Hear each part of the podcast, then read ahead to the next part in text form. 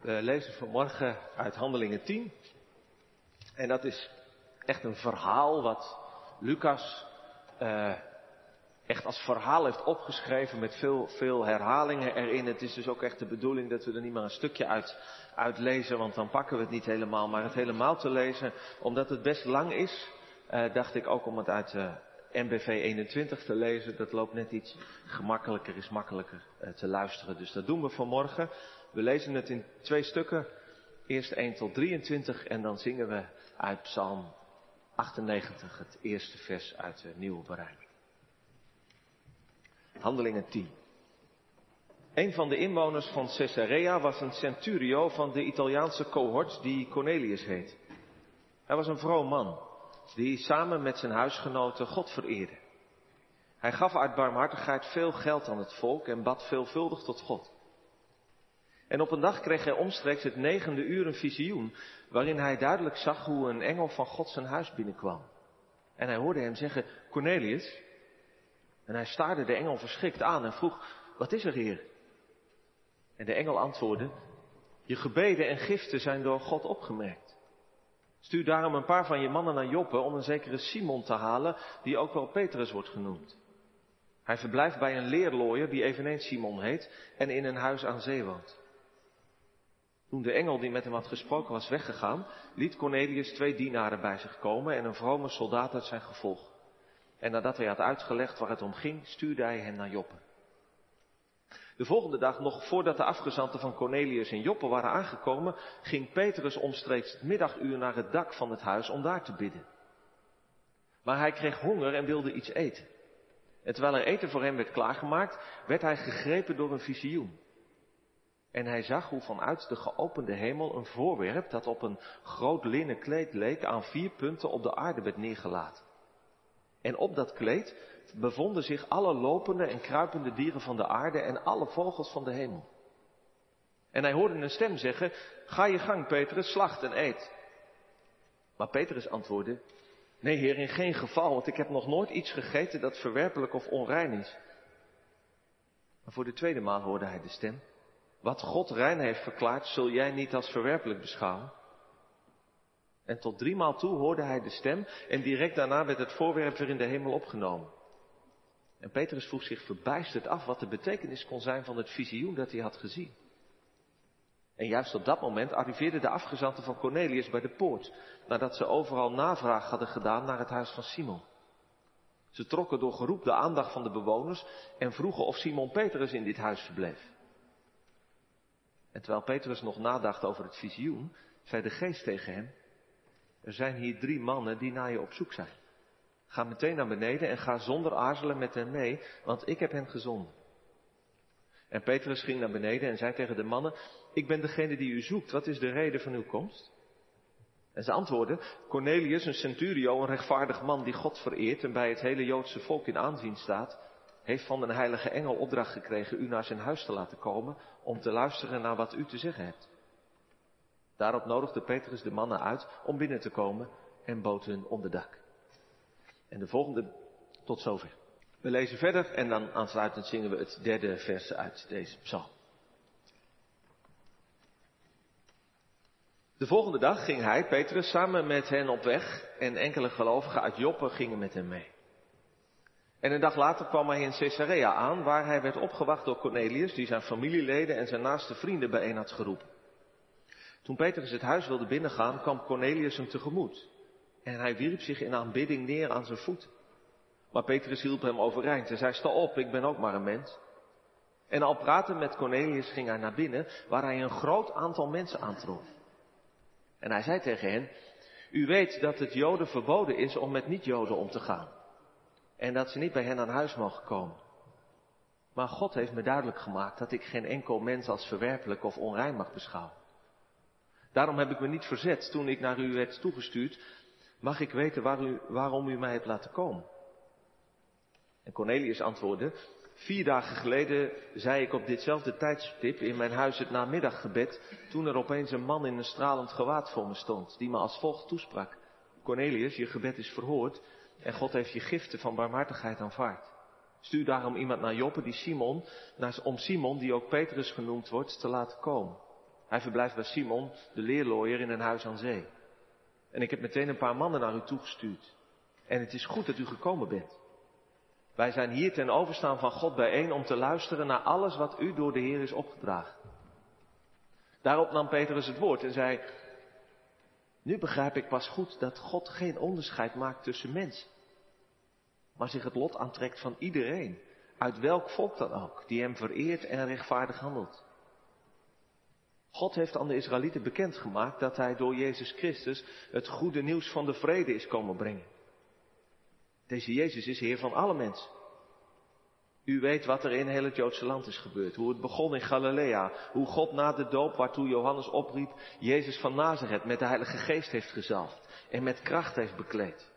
Hij trok als weldoener door het land en genas iedereen die in de macht van de duivel was. Want God stond hem bij. Wij zijn de getuigen van alles wat hij gedaan heeft in het land van de Joden en ook in Jeruzalem. Zeker, ze hebben hem gedood door hem aan een kruishout te hangen. Maar God heeft hem op de derde dag weer tot leven gewekt en hem aan de mensen laten verschijnen. Niet aan het hele volk, maar aan enkele getuigen die daartoe van tevoren door God waren aangewezen. Aan ons namelijk, die samen met hem gegeten en gedronken hebben nadat hij uit de dood was opgestaan. En hij heeft ons opgedragen daarvan getuigenis af te leggen.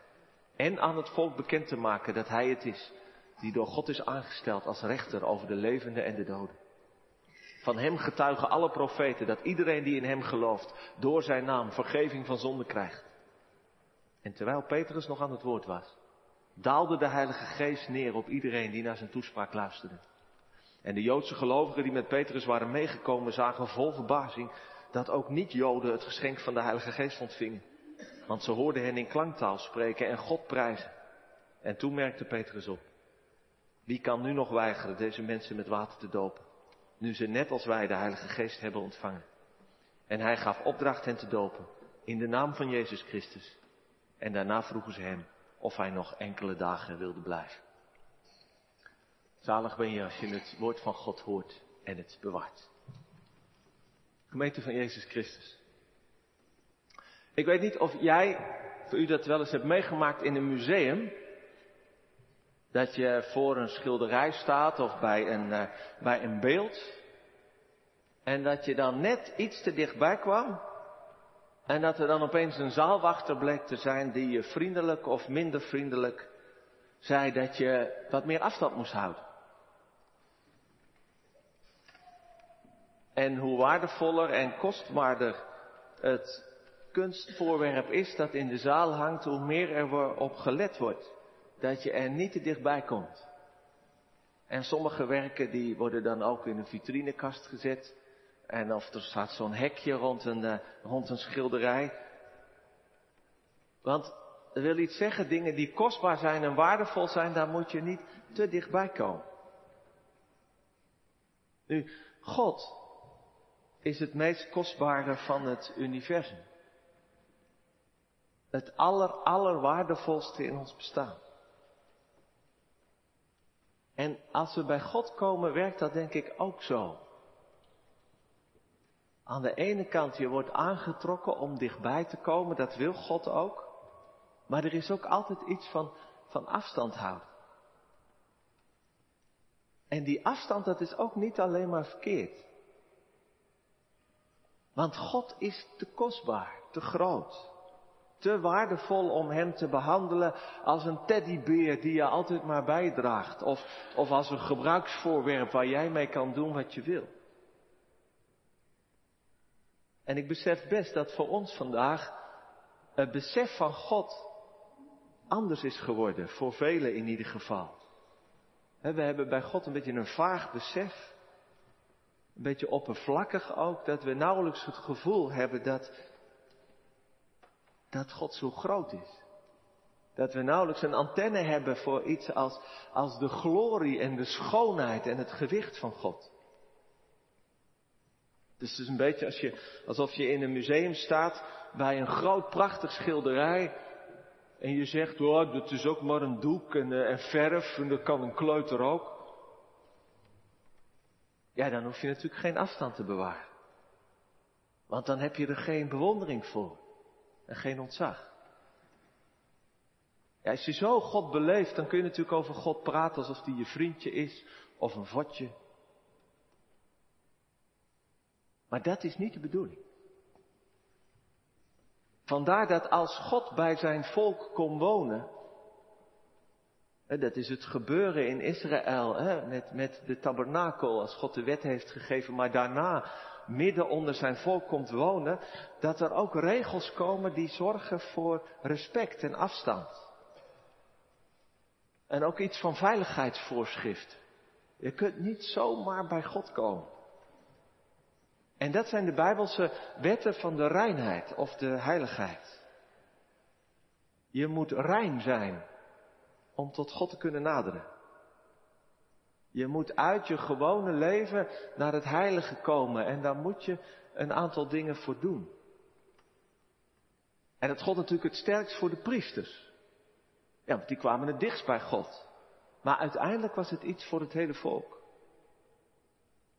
En die reinheidsregels, die gingen over verschillende dingen. En in de eerste plaats vooral over eten. Welke dieren je wel of niet kon eten. En het had te maken met bloed en met zaad en met huidaandoeningen en schimmels. En voor een deel denk ik gaat het ook over hygiëne. Het is natuurlijk heel lang geleden, maar het waren een soort van oude hygiëneregels. Maar het belangrijkste is, denk ik, en daarvoor staat ook in de Bijbel, ze werden gegeven zodat de mensen het besef kregen van God is anders. En je moet met God wel respectvol en zorgvuldig omgaan. Maar die reinheidsregels, die, die leiden ook tot twee problemen. Want het eerste gevaar is, is dat mensen zich zo op die regels gaan richten dat ze het belangrijkste vergeten. Het is een beetje alsof je in een museum staat en dat je in plaats van dat je het kunstvoorwerp bekijkt, dat je naar, naar, naar het hekje staat te kijken of naar de vitrine. Mensen gaan zich richten op de buitenkant van de regels. Maar ze vergeten dat het God in de eerste plaats gaat dat als je Hem ontmoet, dat Hij je leven en je hart wil vernieuwen. Nou, dat, dat gevaar komen we in de hele Bijbel tegen. In de psalmen, bij de profeten, bij Jezus. En het tweede probleem is, is dat die regels ook een soort van, van hek worden, waardoor maar een klein deel van de mensen bij God kunnen komen. En de rest moest op een afstandje blijven. Letterlijk, hè, in de tempel had je het voorhof van de, van de heidenen. Dat was het verste af. Daar mogen, mochten zij komen, maar, maar dichterbij konden ze niet komen. Want ja, ze, ze hielden zich niet aan die reinheidsvoorschrift. Ze mochten alleen toekijken. Nu, als dan God besluit om opnieuw onder de mensen te komen wonen, een nieuw verbond op te richten, niet in een tempel, maar dat Hij in een mens onder de mensen komt, in Jezus, ja, dan verandert er nogal wat. De tempel zal overbodig worden. Want God is nu in Jezus onder ons en door zijn geest zal hij onder de mensen wonen. Maar ook dat hek, dat bestaat uit al die regels en inzettingen, dat moet worden gesloopt. Want het is nu Gods bedoeling dat hij rond Jezus een, een, een, zijn volk verzamelt en een nieuwe tempel, een nieuw lichaam bouwt. En dat is voor mensen van dichtbij, zijn eigen volk, de Joden. En het is voor mensen van veraf, de niet-Joden of de heidenen. Nou, en het Bijbelverhaal dat wij hebben gelezen en waar we het op een kring deze week over hebben, dat is een omslagpunt in de Bijbelse geschiedenis. En uiteindelijk denk ik ook een omslagpunt in de wereldgeschiedenis voor de hele mensheid. En we kunnen er niet dankbaar genoeg voor zijn, gemeente, want anders waren wij heidenen gebleven hier in Nederland. Zonder God, zonder Bijbel, zonder Jezus. Maar ook hadden we niet het besef gekregen dat alle mensen gelijk zijn. Want ik denk niet dat ik overdrijf als ik zeg dat Petrus in zijn preek bij, uh, bij Cornelius, dat hij eigenlijk de grondslag legt voor wat wij vandaag de rechten van de mens noemen. Hij zegt, God heeft me duidelijk gemaakt dat ik geen enkel mens als verwerpelijk of onrein mag beschouwen. Ieder mens, waar dan ook vandaan, wie dan ook, kan bij God komen. Is gelijk voor God. Vers 28 en vers, vers 34 zegt hij, nu begrijp ik was God goed dat God geen onderscheid maakt tussen de mensen. Maar dat hij zich het lot aantrekt van iedereen, uit welk volk dan ook. Nou, ik vind het belangrijk om deze grote lijnen even te schetsen. Omdat we anders de valkuil wel hebben dat we geloof vooral zien als iets persoonlijks. En dan gaat het tussen God en, en, en, en jij en, en, en, en u. En over ons kleine leventje. Maar dat niet alleen. Het gaat ook over alle mensen. Over de hele aarde. Over al het leven. Als je christen bent, of als je christen wordt, dan, dan word je, dan ben je onderdeel van een ontzettend groot verhaal. Veel groter dan The Lord of the Rings of Star Wars of Game of Thrones. En het is denk ik goed voor ons om dat af en toe te beseffen. Dat geeft ook een beetje ruimte. En dat voorkomt dat je, dat je alleen maar als het over geloof gaat denkt van ja, wat, heb ik eraan? Wat zie ik van God? Het is veel groter het geloof. En tegelijk is dat grote ook weer heel klein. Want die grote stap van God met zijn, in zijn plan met de wereld, dat is ook weer een hele kleine stap in het leven van één mens, van die Cornelius. Ik moest even denken aan die astronaut Neil Armstrong, hè, die als eerste mens een voet op de maan zette. En toen uh, zei hij, this is one step for a man, one small step for a man, but a giant leap for mankind. Het is maar een klein stapje voor een mens, maar het is een grote sprong voor de mensheid. Nou, dat, dat is eigenlijk wat hier ook gebeurt. En het is goed om ook even naar die kleine stap te kijken, nadat we de, die grote stap hebben gezien, denk ik. Cornelius. Hij is een Romeinse centurion, een legeraanvoerder van het bezettingsleger dus. En hij woont in de meest Romeinse stad van het land. Caesarea keizersstad. Speciaal door Herodes de Grote gebouwd als een eerbewijs aan de keizer van Rome. Vol met al die Romeinse dingen. Badhuis, amfitheater. Cornelius is dus een bezetter. En voor velen ook een vijand. En hij is een heiden. Nee, dat laatste niet. Hij is iemand die God vereert. Dus hij is een Romein die met het Joodse geloof sympathiseert. En niet zo'n klein beetje ook. Hij is een echte gelovige. En Lucas noemt twee dingen die, waar, waaruit je het geloof kan zien. Namelijk hij bidt. En dan niet zo af en toe een schietgebedje, maar hij bidt veelvuldig. Betekent waarschijnlijk dat hij zich aan alle Joodse gebedstijden hield. En hij, hij, geeft, hij geeft royaal aan de mens. Hij weet dat, dat leven met God ook betekent dat je je naaste lief hebt. Dat je dus deelt. En op een van die gewone gebedstijden dat hij bidt, het middaggebed, verschijnt een engel aan hem. En die laat hem weten dat God hem kent. En dat hij zijn gebeden en zijn goede gaven voor anderen als een offer heeft aanvaard. Dat is prachtig natuurlijk, want hier zien we dat God die grens al lang over is. Want hij kent en hij hoort deze Romein. En dat is niet nieuw in de Bijbel hoor, want altijd weer doken er in Israël vreemdelingen en buitenstaanders op met wie God evenveel of soms misschien zelfs wel wat meer had dan met zijn eigen volk. En ik vind dat mooi, dat gebeurt nog steeds. Ook hier in Amsterdam. Allerlei mensen die God opzoekt. En dat kunnen soms zoekers zijn, mensen die, die, die echt op zoek zijn naar, naar, naar, naar, naar de zin van hun leven en, en, en of er meer is. En dat kunnen mensen zijn die, die vastgelopen zijn en, en, en zoeken naar, in hun nood naar, naar, naar hulp. En soms dan maar denken, nou ja, dan moet ik nog maar eens bij God proberen.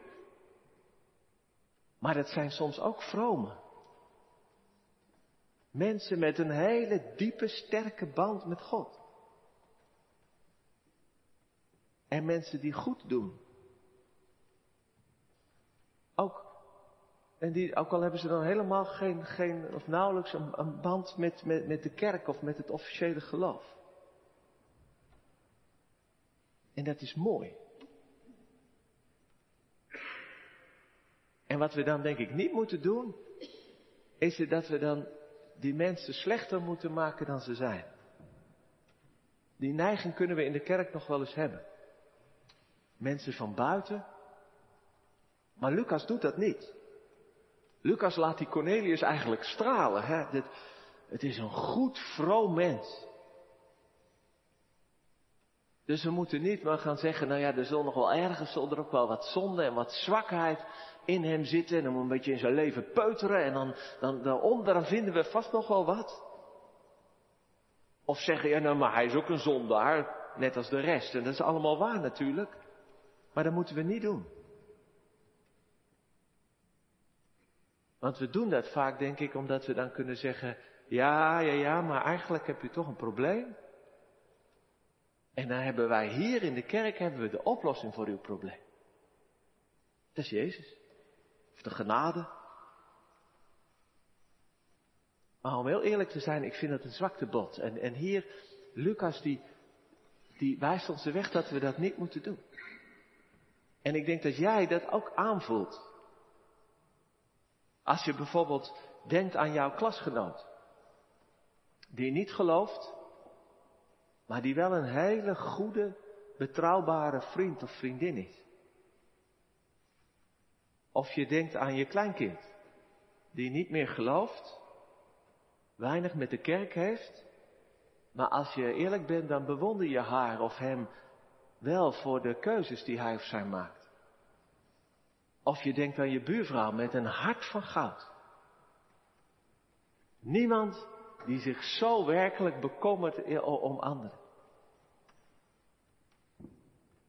En wij kunnen in de kerk er wel een beetje in zo'n spagaat zitten dat we denken van ja, maar ja, hè, die mensen die, die moeten toch eigenlijk eerst een beetje zwak en zondig worden en dan moeten we ze maken. En, ja, en dan, dan kunnen ze pas het evangelie ontvangen. En die klasgenoot van jou, die heeft misschien zelf dat gevoel ook wel van ja, waarom heb ik eigenlijk God nodig? Ik ben gelukkig en ik probeer het goede te doen voor anderen. Ik heb de kerk niet nodig hoor, om een beter mens te worden. Nou, dat klopt volgens mij ook. Maar toch heb je Jezus nodig. Omdat God je wil ontmoeten. En God wil je ook ontmoeten in je kracht. En in je goedheid. En in waar je voor staat en voor gaat. Hij is er al. Hij is er al juist in het goede waar je voor gaat. En dat wil Hij zegenen. En je daarin hoop en moed geven. Want, dat is denk ik het, het kenmerk van echte goedheid. Dat is natuurlijk niet iets van, nou ja, daar heb ik genoeg aan en, en, en dat doe ik wel eventjes.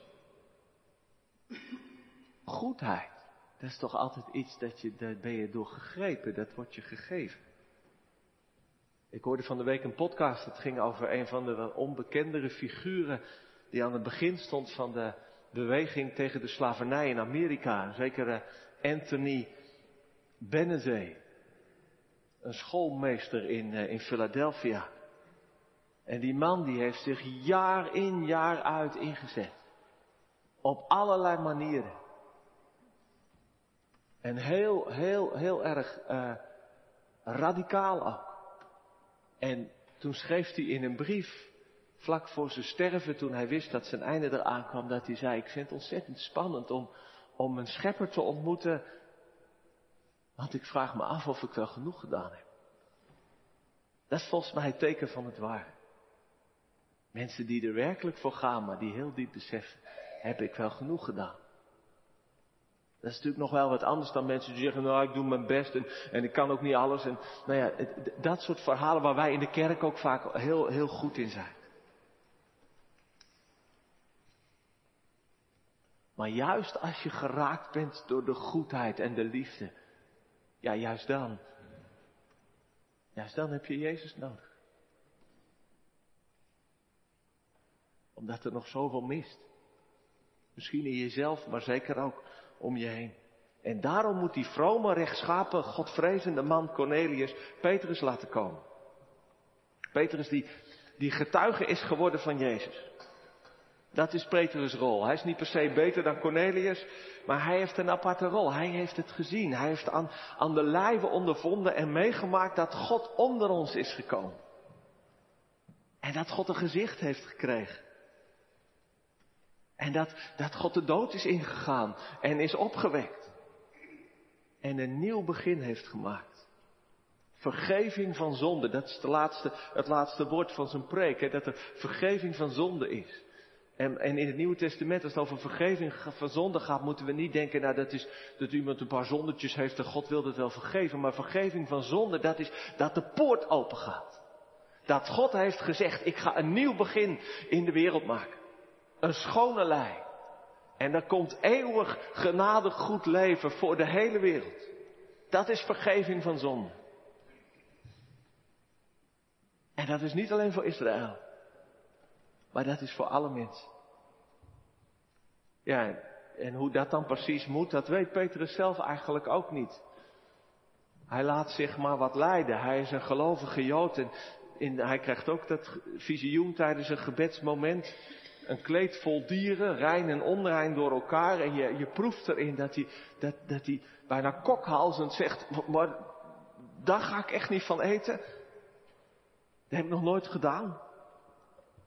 Maar drie keer hoort hij wat God rein heeft verklaard, dat zul jij niet verwerpelijk beschouwen. En het is prachtig hoe Petrus zich dan laat meenemen. Zich niet verzet. Het, het, het is niet niks voor hem, laten we dat beseffen. Maar hij laat zich leiden door de geest die hem, die hem stuurt om bij die Cornelius dan ook over Jezus te gaan vertellen. Nou, dan komen ze daar. En ik zei het hen nog voor, nog voor hij Amen heeft gezegd. Valt de Heilige Geest op dat, dat hele gezelschap dat, dat Cornelius heeft verzameld in zijn huis. En het wordt een tweede Pinksterdag. Vol met taal en lofprijzen. Maar nu niet bij die eerste volgelingen van Jezus in Jeruzalem, die Joodse volgelingen, maar nu bij de heidenen in die kolonie van Rome. Oh, zij ook, net als wij, zegt Petrus. Ja, dan moeten zij natuurlijk ook gedoopt worden. Dan horen ze er helemaal bij. Bij Jezus en bij het volk van God. Dus in het verhaal zitten, zitten twee menselijke hoofdpersonen, hè? Petrus en Cornelius. Maar er is nog een derde, dat is de Heilige Geest. Overduidelijk die in alles aan het werk is. En het zou kunnen zijn dat jij, of dat u, dat je die Heilige Geest niet zo kan plaatsen. Dat je zegt, nou dat vind ik allemaal een beetje vaag, zweverig.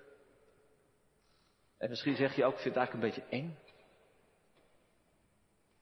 Het valt zomaar op je en dan beginnen die mensen in extase te spreken. Nou, uh, aan mijn lijf geen polonaise. We hebben in de kerk ook de neiging om de Heilige Geest dan zo een beetje in te kaderen. Hè? Ook een beetje een hekje eromheen te zetten. Ja, de Heilige Geest die, die hoort wel bij het woord en die, die hoort wel bij de kerk. Maar hier zie je dat het echt niet gaat lukken. Zelfs al onze schema's, dat we zeggen, nou je moet eerst een persoonlijk, persoonlijk geloof voor Jezus hebben, of je hart aan Jezus geven, eerst geloven en dan pas ontvang je de Heilige Geest. En het is wel heel persoonlijk. Dat klopt hier helemaal niks meer van. En Jezus had het zelf al gezegd. De geest waait waarheen ze wil. Als de wind zijn zij die door de geest worden geboren. En hier, in één keer, op dat hele huis van Cornelius, dwars door Petrus' mooie preek heen. En tegen al die stemmen natuurlijk, die zeggen, maar, maar wacht even, ze zijn onrein en, en, en, en ze, weten misschien nog allemaal, allemaal niks van, van God en de Bijbel.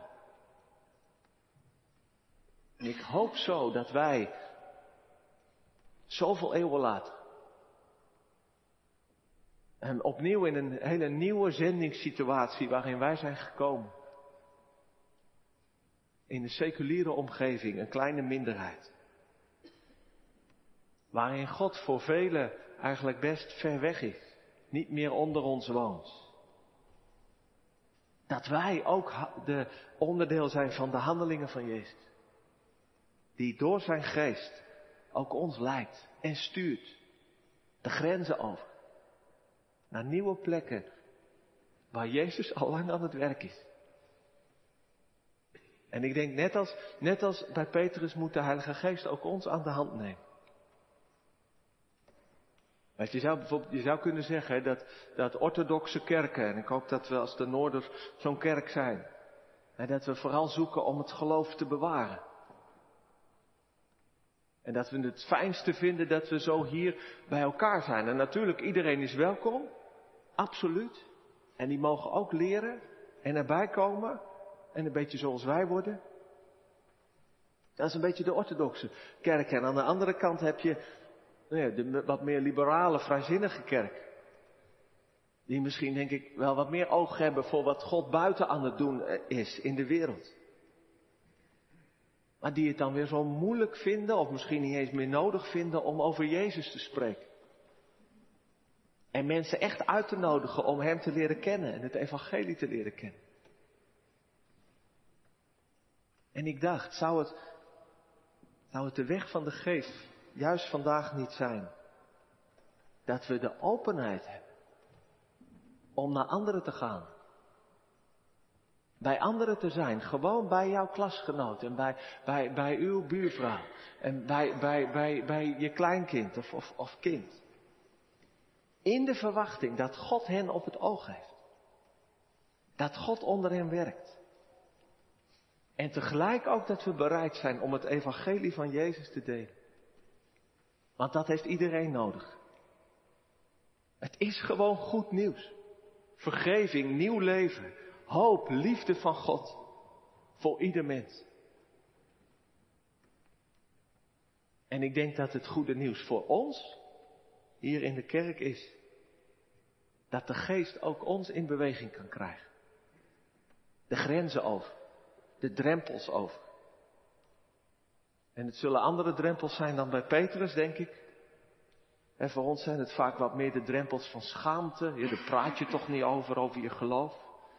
Of de drempels van onze eigen twijfels en vragen. Of de drempel van drukte en onverschilligheid. Of zelfs ook een beetje de drempel van de angst voor anderen. Nou, misschien is het goed om daar na de dienst bij de koffie of op kring het nog eens over te hebben. Hoe de geest ons in beweging krijgt. Amen.